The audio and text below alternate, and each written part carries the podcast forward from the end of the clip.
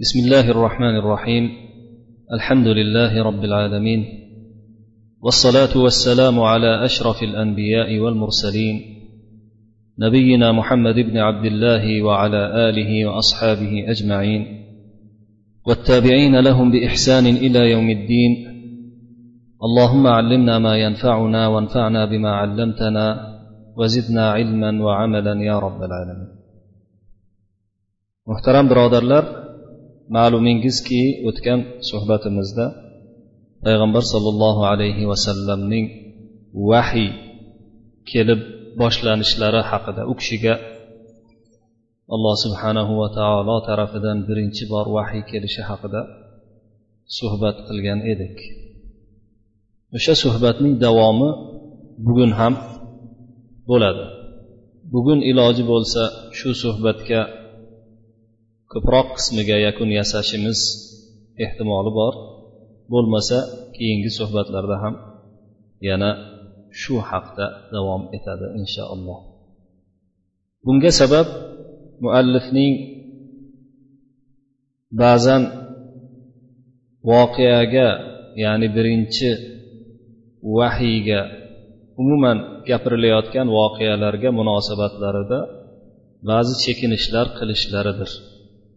Ya'ni masalan biron bir kishi to'g'risida gapirib qolib o'sha vahiyga aloqador mana shu mavzuimizda gapiradigan bo'lsak biron kishi haqida gapirib qolib o'sha kishiga aloqador ba'zi narsalarni keltirib ketadilar.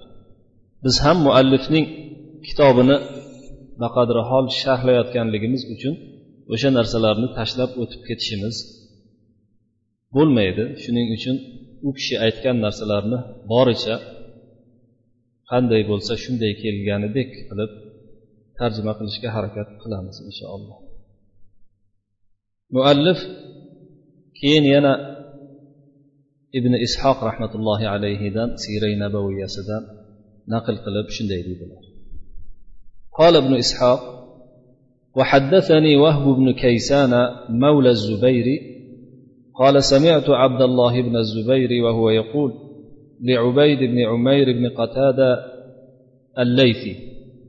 حدثنا يا عبيد كيف كان أول ما كيف كان أول ما ابتدأ به رسول الله صلى الله عليه وسلم من النبوة حين جاء جبريل؟ ابن إسحاق aytadilarki menga zubayr mavlosi vahb ibn kayson gapirib berdilar zubayr zubayr mavlosi deganda bu yerda zubayr oilasi nazarda tutilyapti. Zero vahb ibn kayson zubayr ibn avvomni ko'ra olmaganlar balki abdulloh ibn zubayrni ko'rganlar. U kishiga xizmatchi bo'lganlar mavlo bo'lganlar. Arab tilida mavlo kalimasi ikki xil ma'noni bildiradi. Mavloni birinchi ma'nosi xo'jayin degan. Ikkinchi ma'nosi esa xizmatchi degan. Ikkisi bir biriga teskari ma'noni bildiradigan so'zlardan hisoblanadi. Arab arab tilida buni azdod deyishadi. Azdod so'zlar juda ko'p arab tilida. Ham bir ma'noni ham uni teskarisini bildirib turadi. Shuning uchun ham mavlo so'zi alloh subhanahu va taologa ham ishlatiladi. Chunki alloh subhanahu va taolo barcha o'zini bandalarini hojasi xo'jayin hisoblanadi. Shu ma'noda ikkinchi ma'nosi bandalarga ham ishlatiladi. Chunki banda alloh subhanahu va taologa bo'ysungan uning xizmatidagi uning aytganini qiladigan ma'mur kishi hisoblanadi. Bu yerda mavlo deb atalishiga sabab islomni boshida arablardan tashqari boshqa qavmlardan ham musulmon bo'lganlar bo'lib o'sha musulmon bo'lganlar ichida payg'ambar sollallohu alayhi vasallamni sahobalari va boshqa kishilar bilan ular do'st tutinishlar bo'lar edi. Yoki ba'zilari urush paytlarida qo'lga tushib asirga tushib qul bo'lib qolardilarda keyin musulmonlar ularni ozod qilishganidan keyin ular o'sha o'zlarini hojalariga xo'jayinlariga mavlo bo'lib xizmatchi bo'lib atalar edilar. Bu yerda ham vahb ibn kayson o'sha oli zubayrga zubayr ibn al avvom oilasiga mavlo hisoblanadi. Islomda ma'naviy jihatdan xizmatchi bo'lmasa ham moddiy jihatdan aqsid e, meni qasdim o'sha haqiqiy suratda xizmatchi bo'lmasa ham ma'naviy jihatdan shunaqa bog'liqlik bo'lganligi uchun mavlo deb atalganlar. Demak shu kishi aytyaptilarki ibn ishoq aytyaptilarki menga vahb ibn kayson zubayr mavlosi oli zubayr mavlosi vahb ibn kayson gapirib berdilar. Aytdilarki vahb ibn kayson aytyaptilar men abdulloh ibn zubayrni eshitdim. U kishi yonlarida o'tirgan ubayd ibn umayr ibn qatoda al laysiyga aytar edilar. Ey ubayd payg'ambar sollallohu alayhi vasallamga payg'ambarlikning boshlanishi qanday bo'lgan edi jabroil alayhissalom kelganlarida. Shuni aytib bering der edi. Abdulloh ibn zubayr kichkina sahobiylardan hisoblanadilar. Zubayr ibn avvomni o'g'illari hamda asmo bint abi bakrni ham o'g'illari hisoblanadilar.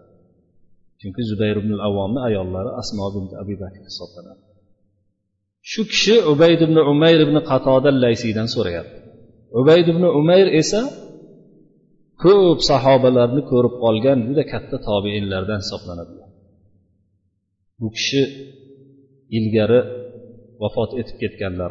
Hatto hazrati abdulloh ibn umardan ham ilgari vafot etib ketganlar. O'zlari abdulloh ibn umardan ham rivoyat qilganlar hazrati umarni o'zlaridan ham rivoyat qilganlar hazrati alidan rivoyat qilganlar. Hazrati umardan rivoyatlarida ixtilof bor lekin e, boshqa katta katta sahobiylardan rivoyat qilgan katta tobeinlardan hisoblanadilar. Bu kishini uslublari hikoya uslublari makkada juda mashhur bo'lib masjidlarda o'tirsalar odamlar atroflariga to'planishib quloq solishar edi. Tillari biyron bo'lgan gaplari ravon bo'lgan kishi bo'lganliklari uchun hikoyalarni chiroyli qilib aytib berar edilar. Shuning uchun ham bu yerda abdulloh ibn zubayr o'zlari garchi u kishidan ulug'roq bo'lsalar ham sahobiy bo'lsalar ham shu hikoyani aytib berishni so'rayaptilar.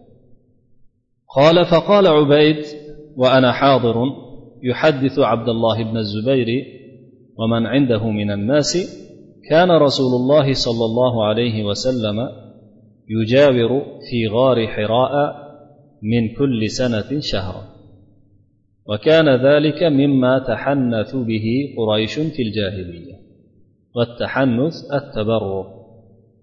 فكان رسول الله صلى الله عليه وسلم يجاور ذلك الشهر من كل سنة يطعم من جاءه من المساكين عبيد بن عمير men hozirligimda ya'ni men ham suhbatda hozir bo'lib turibman deydilar vahb ibn kayson men ham suhbatda hozir bo'lib turibman ubayd ibn umayr suhbatni mana shunday boshladilar abdulloh ibn zubayrga hamda u kishini atrofida o'tirgan kishilarga qarata suhbatni mana shunday boshladi rasululloh sollallohu alayhi vasallam hiro g'orida har yili bir oy mujovirlik qilar edilar.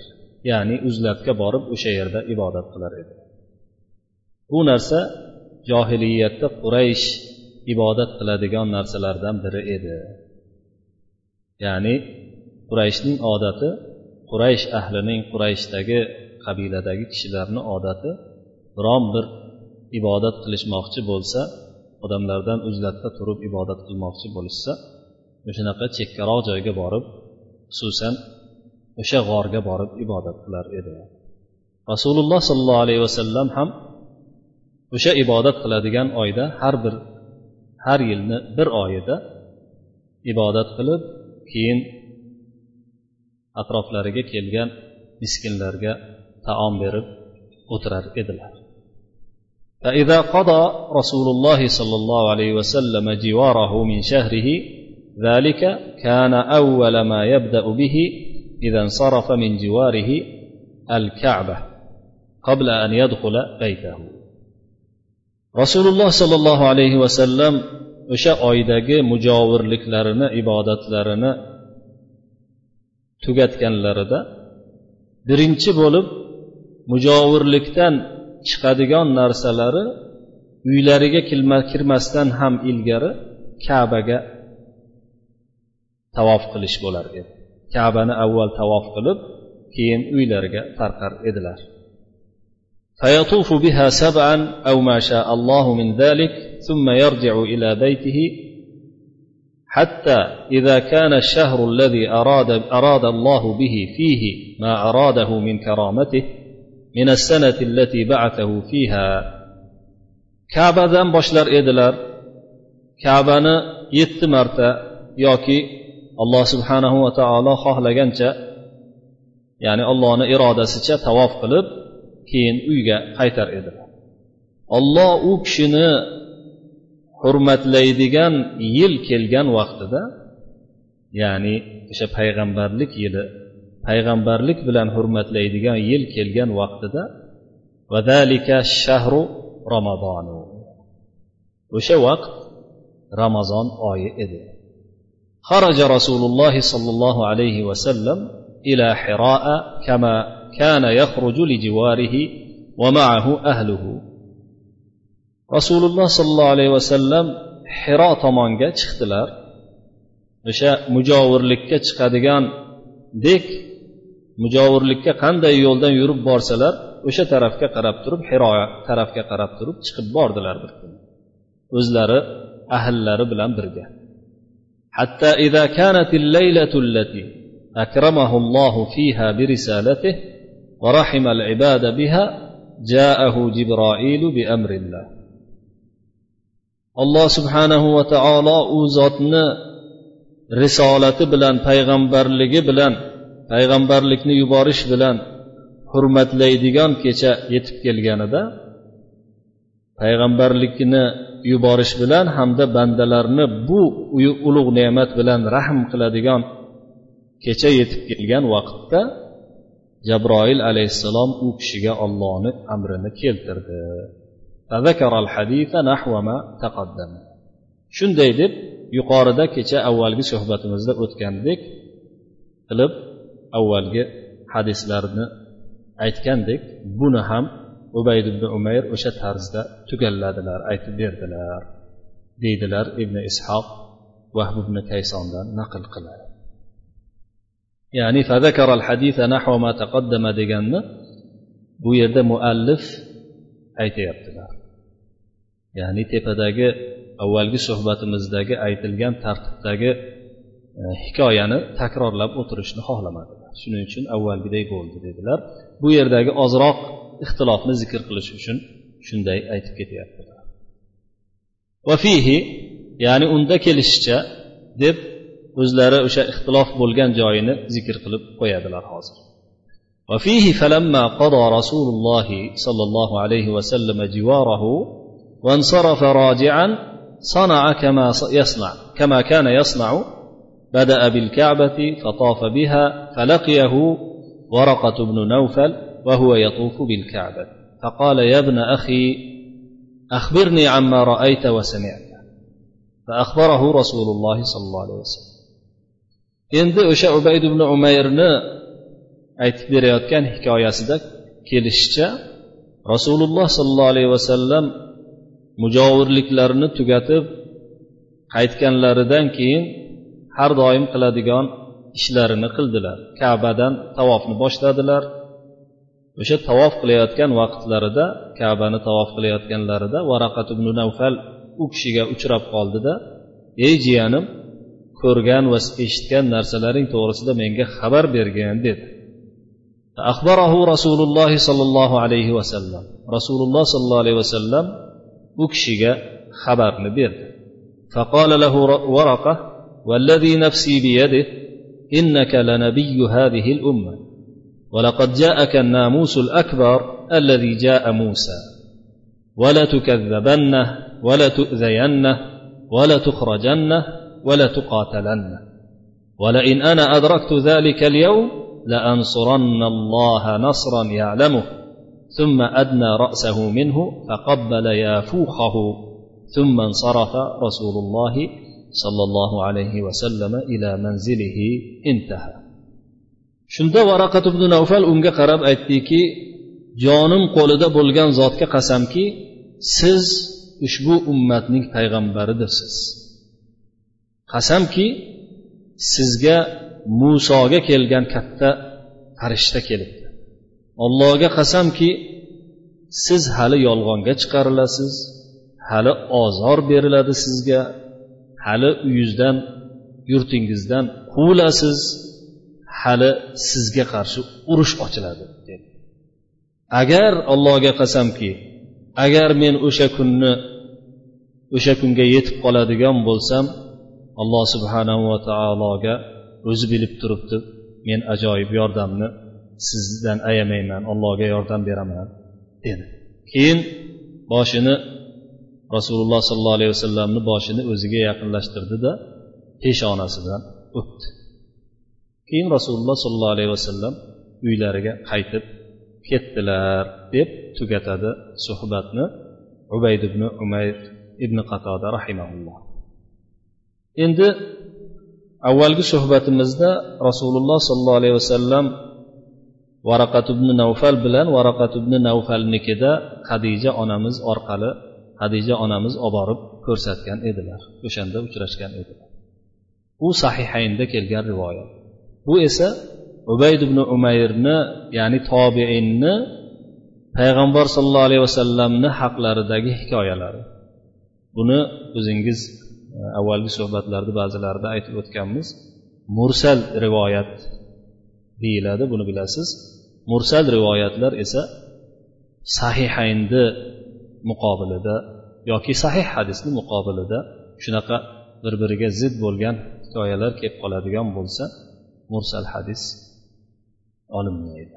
Hatto o'zi alohida kelganda ham buni zaifligi borligi aytiladi ulamolar tarafidan o'shaning uchun bu yerdagi hikoya qo'shimcha bo'lib keltirilayotgan bo'lsada tepadagi sahihaynda kelgan hikoya to'g'riroq hisoblanadi ومما ذكر من من شعر ورقة فيما أخبرته أخبر أخبرته به خديجة عن النبي صلى الله عليه وسلم كين مؤلف varaqat ibn navfalni bir nechta she'rlaridan keltiradilar varaqat ibn navfal ko'pchilik ilgarigi kishilar o'tganidek shoir o'tgan Ilgargi paytda shoirlar ko'p bo'lgan xususan johiliyat vaqtida. Inchunin varaqa ham shoirlardan bo'lgan.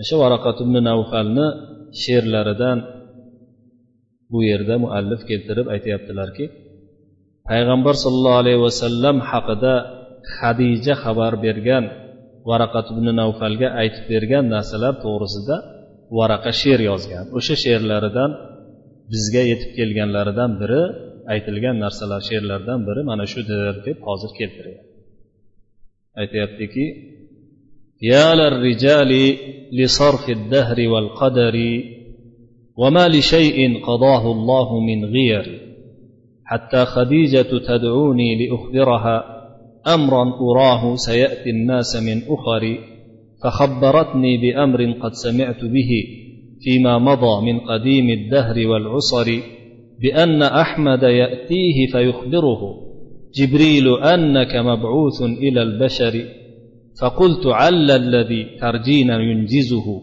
لك الإله فرج الخير وانتظري وأرسلته إلينا كي نسائله عن أمره ما يرى في النوم والسهر فقال حين أتانا منطقا عجبا يقف منه أعالي الجلد والشعر إني رأيت أمين الله واجهني في صورة كملت في أهيب الصور. ثم استمر فكان الخوف يذعرني مما يسلم ما حولي من الشجر مما يسلم ما حولي من الشجر فقلت ظني وما أدري أيصدقني. أن سوف يبعث يتلو منزل السور وسوف أبليك إن أعلنت دعوته من الجهاد بلا من ولا كدر. يا للرجال لصرف الدهر والقدر. إي أدملار زمان نين تقدر نين أجايبات لارك قرين صرف تب ترلي خل بولب كيلشي تقدير وزمان ترلي خل بولب turlanib tuslanib kelishiga qaranglar. Alloh subhanahu va taolo qazo qilib qo'ygan taqdir qilib qo'ygan hukm qilib qo'ygan narsaga hech o'zgartirish bo'lmaydi. O'zgarishlar bo'lmaydi.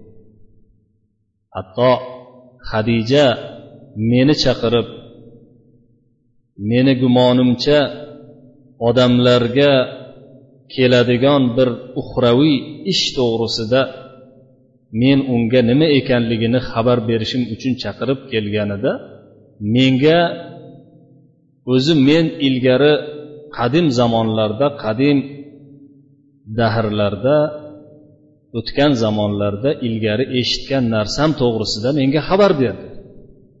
Ya'ni men ilgari nasroniylik diniga kirganligim uchun nasroniylarni kitobida o'qigan edim.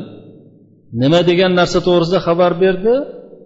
Ahmadga ya'ni muhammad sallallohu alayhi vasallamga. Bir narsa bir kishi kelarkan.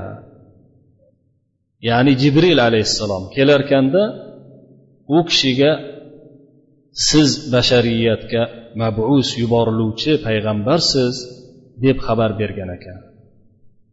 Shunda men aytdimki shoyat alla bu yerda faqultu alla degandagi alla la allani qisqartmasi hisoblanadi.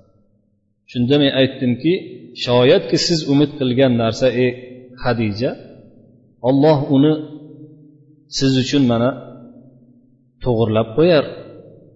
Ya'ni siz umid qilgan narsa yaxshilik bo'lgan narsa kelib qolar balki unga yaxshilikni umid qilib kutib turavering dedi. Keyin bizga u kishini u zotni hadija jo'natib yubordi olib keldi. Biz u kishini tushlaridayu uyg'oqliklarida nima ko'rayotganligini u kishidan so'rashimiz uchun. Shunda bir ajoyib kelganida ajoyib bir so'zni aytdi bizga bu so'zdan terilarni usti sochlarni tubi qotib qoladigan ya'ni bir odamga junjikish keladigan bir ishni xabar berdi. Hayratda qolib juda muhim ish bo'lganligi uchun odamda shunaqa holat sodir bo'lishini aytyapti aytdiki u kishi men ollohni aminini ya'ni jibril alayhissalomni ko'rdim bir suratda ko'rdimki suratlarni ham eng haybatli suratida ko'rdi. Keyin so'zlarida davom etdilar u payg'ambar. Aytdilarki xavf qo'rqinch meni juda egallab olgan edi. Atrofimdagi daraxtlarni salom berishida atrofimdagi daraxtlar salom bera boshlashdi menga. Shunda men aytdimki deyapti varaqa zanni meni gumonimcha bilmayman gumonim to'g'ri chiqadimi yo'qmi lekin men aniq shu gumon qilib turibman. Bu zot nozil bo'lgan suralarni o'qiydigan bir payg'ambar bo'lib yaqinda yuboriladi dedi. Keyin men aytdimki u kishiga agar bu dinga da'vatni e'lon qilib boshlab yuborsangiz ya'ni jihodni e'lon qilib da'vatni e'lon qilib boshlab yuborgan bo'lsa boshlab yuboradigan bo'lsangiz men hech bir minnatsiz hech bir qiynalmay xursand bo'lib kuchimni boricha sizga yordam beraman dedim degan she'rini keltiradi قال ابن إسحاق وقد كان خديجة وقد كانت خديجة خديجة بنت خويلد قد ذكرت لورقة ما ذكر ما ذكر لها غلامها ميسرة من قول الراهب. وما كان يرى منه إذ كان الملكان يظلانه فقال ورقة لئن كان هذا حقا يا خديجة إن محمدا لنبي هذه الأمة. وقد عرفت أنه كائن لهذه الأمة نبي ينتظر, ينتظر هذا زمانه أو كما قال. Ibn ishoq aytadilarki hadija binti huvaylid roziyallohu anho varaqat ibn navfal o'zini amakisini o'g'liga o'zini hadijani xizmatkori g'ulomi quli aytgan hikoya qilib bergan rohibni gapini aytib bergan edi. Ilgarigi suhbatlarimizdan birida o'tgan ediki rohib payg'ambarimiz sollallohu alayhi vasallamni o'sha tijoratga borganlarida ko'rib u kishini payg'ambar bo'lishini boshqalarga aytgan edi. Shunda maysara o'shani eshitgan edi hazrati hadijani xizmatkorlari. Keyin payg'ambar sollallohu alayhi vasallamni shu safarlarida ikkita farishta soya qilib bulut bilan soya qilib yurganini ham ilg'ab qolgan edi. O'shani ham hadija onamizga aytib bergan edi. Hadija onamiz o'z navbatida shu ilm bilan shug'ullanib yurgan ibodat bilan shug'ullanib yurgan varaqaga yetkazgan edi. Shunda varaqa aytgan ediki agar bu narsa haq bo'ladigan bo'lsa ya'ni shu rohib aytgan gap keyin mana u seni xizmatkoring aytgan gap rost bo'ladigan bo'lsa muhammad bu ummatni payg'ambari ekan rasululloh sollallohu alayhi vasallam. Men bu ushbu ummatga payg'ambar bo'ladi deb umid qilib yuruvdim. hozirgi paytda zamoni yaqinlashib qolgan payg'ambar keladi deb deb shu gaplarni yoki shunga o'xshagan gapni aytdi deydilar ibn ishoq rahimaulloh قال فجعل ورقة يستبطئ الأمر ويقول حتى متى فقال ورقة في ذلك keyin ibn ishoq rahimaulloh yana bir varaqat ibn navfalning she'rini keltiradi aytadiki varaqa bu payg'ambarlikni ilgarida mana shunday xabarini eshitgandan keyin kelishini juda kuta boshladi qachongacha bo'larkin bu endi uzayib ketdi deb mana shu she'rni aytgan edi deydi لججت وكنت في الذكرى لجوجا لهم طالما بعث النشيجا ووصف من خديجة بعد وصف.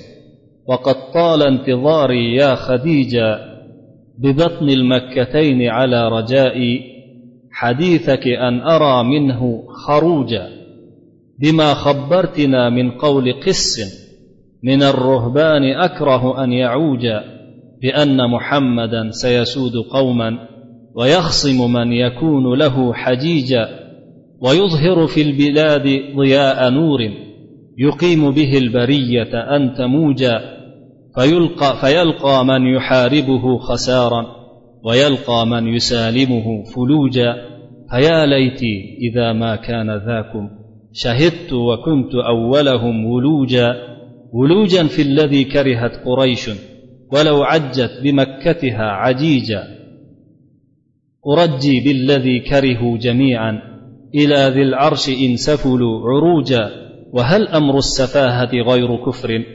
بمن يختار من سمك البروج فإن يبقوا وأبقى تكن أمور يضج الكافرون لها ضجيجا وإن أهلك فكل فتى سيلقى من الأقدار متلفة خروجا so'zini boshida shunday deydiki varaqa she'rini boshida men juda qattiq tirishib lajoj deb o'zi aslida birov bilan tortishishga sarkashlik qilishga aytishadi. Lekin bu yerda buni ma'nosi unaqa sarkashlik emas. Aytyaptiki men juda ko'p eslaydigan bo'lib qoldim. Eslashda ham nihoyatda ko'p eslaydigan bo'ldim yoki qiynalib ketdimki nimaga qiynalib ketdim?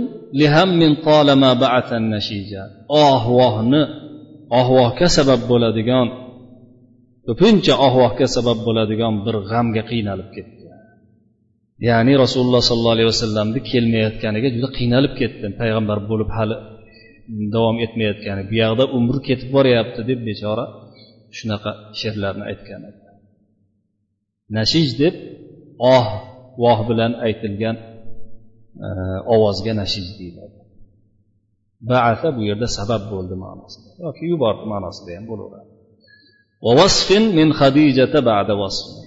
Ya'ni hadijadan shu payg'ambar haqidagi turli vasflarni eshitaverganimdan keyin judayam bu narsadagi siqilishim ko'payib ketdi. Ey hadija meni intizorligim juda cho'zilib ketdi. Umidimni umidim ustida o'sha ikki makka o'rtasida ikki makkani yerida o'sha odamdan bir chiqadigan chiquvchini ko'ramanmikin degan seni gapingni eshitamanmikin deb buni kutishim nihoyatda ko'payib ketdi. Ikki makka deb makka bilan yasrib orasini shunaqa deyishgan ilgari. Madina bilan makkani orasini makka makkani makkatayn deb atashgan. Mana ruhbonlardan rohiblardan bir ibodat qilib yurgan odamni gapini bu gapni noto'g'ri bo'lib chiqib qolishini hech xohlamayman men. U nima degan edi muhammad sallallohu alayhi vasallam mana shu yigit yo mana shu bola hali qavmiga sayyid bo'ladi degan edi ana shu gaplarni menga aytib beruvdiz. O'sha narsa meni boshimda hozir nihoyatda o'ynab e, boshimni aylantirmoqda. Men kutaverib charchab ketdi. Nima deb xabar bergan edi o'sha rohib muhammad sollallohu alayhi vasallam o'zini qavmini sayyidi bo'ladi. Unga teskari bo'lganlar unga uni gapini yoki uni ishini talashadiganlar mag'lub bo'ladi talashadiganlarni ustidan g'olib bo'ladi degan edi hamda mamlakatda bir nurni ziyosini tarqatadiki o'sha nur orqali xalqlarni iztirobdan saqlab to'g'ri qilib to'g'ri qilib to'g'ri qiladi deganida. Hamda u zotga kurashganlar ziyonga uchrab u zot bilan tinchlik bitimini tuzganlar zafar topishini u zotga musolim bo'lganlar ya'ni ergashganlar zafar topishini aytgan edi. Koshki edi o'sha vaqt yetib kelganida men hozir bo'lsam. Birinchi bo'lib kiradigan odam bo'lsam koshki edi. Shu quraysh yomon ko'radigan narsaga birinchi bo'lib kirganimda koshki edi. Garchi quraysh o'zini makkasida shov shuv qilib baqirib chaqirib bizni kirganimizga qarshilik qilib yotsa ham. Bularni hammalari yomon ko'rgan narsani umid qilib yuraman men. Arsh egasi tomon bular hali chiqishadi agar o'zlari bunga qarshilik qilib past ketsalar hali o'zlari allohga qaytadilarku bular. Ahmoqlik ishi ya'ni befahmlik ishi kofirlikdan ham boshqa narsa bo'ladimi? Kimga kofirlik yana bo'lib ham? Yulduzlarni ko'tarib qo'ygan zot tanlagan kishiga kofirlik dan ham ko'ra yomonroq ahmoqlik yomonroq pastlik ham bo'ladimi? Agar bular qolsalar men ham qoladigan bo'lsam ya'ni men o'sha kunlarga yetib keladigan bo'lsam hali shunday ishlar ro'y beradiki kofirlar bu ishga dodvoy solib yuborishadi ya'ni o'rtada urushlar bo'lib ketadi degan ma'noda. Agar men o'lib ketadigan bo'lsam har bir yigit taqdirdan o'zini talofot qiladigan chiqishlarini ko'radi. Ya'ni boshiga tushganini ko'z ko'radi degan ma'noda har bir o'zini boshiga har bir kishi o'zini boshiga kelganini ko'radi deb so'zini tugatadi. Rahmatullohi alayhi biz rahmatullohi alayhi deyishimizga sabab varaqat ibn navfal ibn asad ibn abdul uzzo bu kishi o'sha muvahhidlardan bo'lgan kishi hisoblanadilar rasululloh sollallohu alayhi vasallamni hali payg'ambarlikdagi da'vatga buyurilmasdan u kishini tasdiqlagan kishi bo'lganligi uchun ham va u kishini kutib yurgan yagona muvahhidlardan biri bo'lganligi uchun ham u kishi qiyomatda xudo xohlasa yakka bo'lib yolg'iz o'zlari ummatan vahdahu bo'lib ya'ni yolg'iz ummat bo'lib qiyomatda qayta tiriladilar. Shuning uchun ularga u kishiga va ilgari suhbatlarimizda ba'zilarini aytib o'tildi. O'shalarga tarahhum qilish rahmat yuborish rahmat bilan duo qilish mashru hisoblanadi yaxshi hisoblanadi. Toyib suhbatimiz mana shu yerga yetganida keyingi suhbatda uchrashish umidida sizlar bilan xayrlashamiz. Va sallallohu vasallama va baraka ala nabiyina muhammad. وعلى آله وأصحابه أجمعين والسلام عليكم ورحمة الله وبركاته.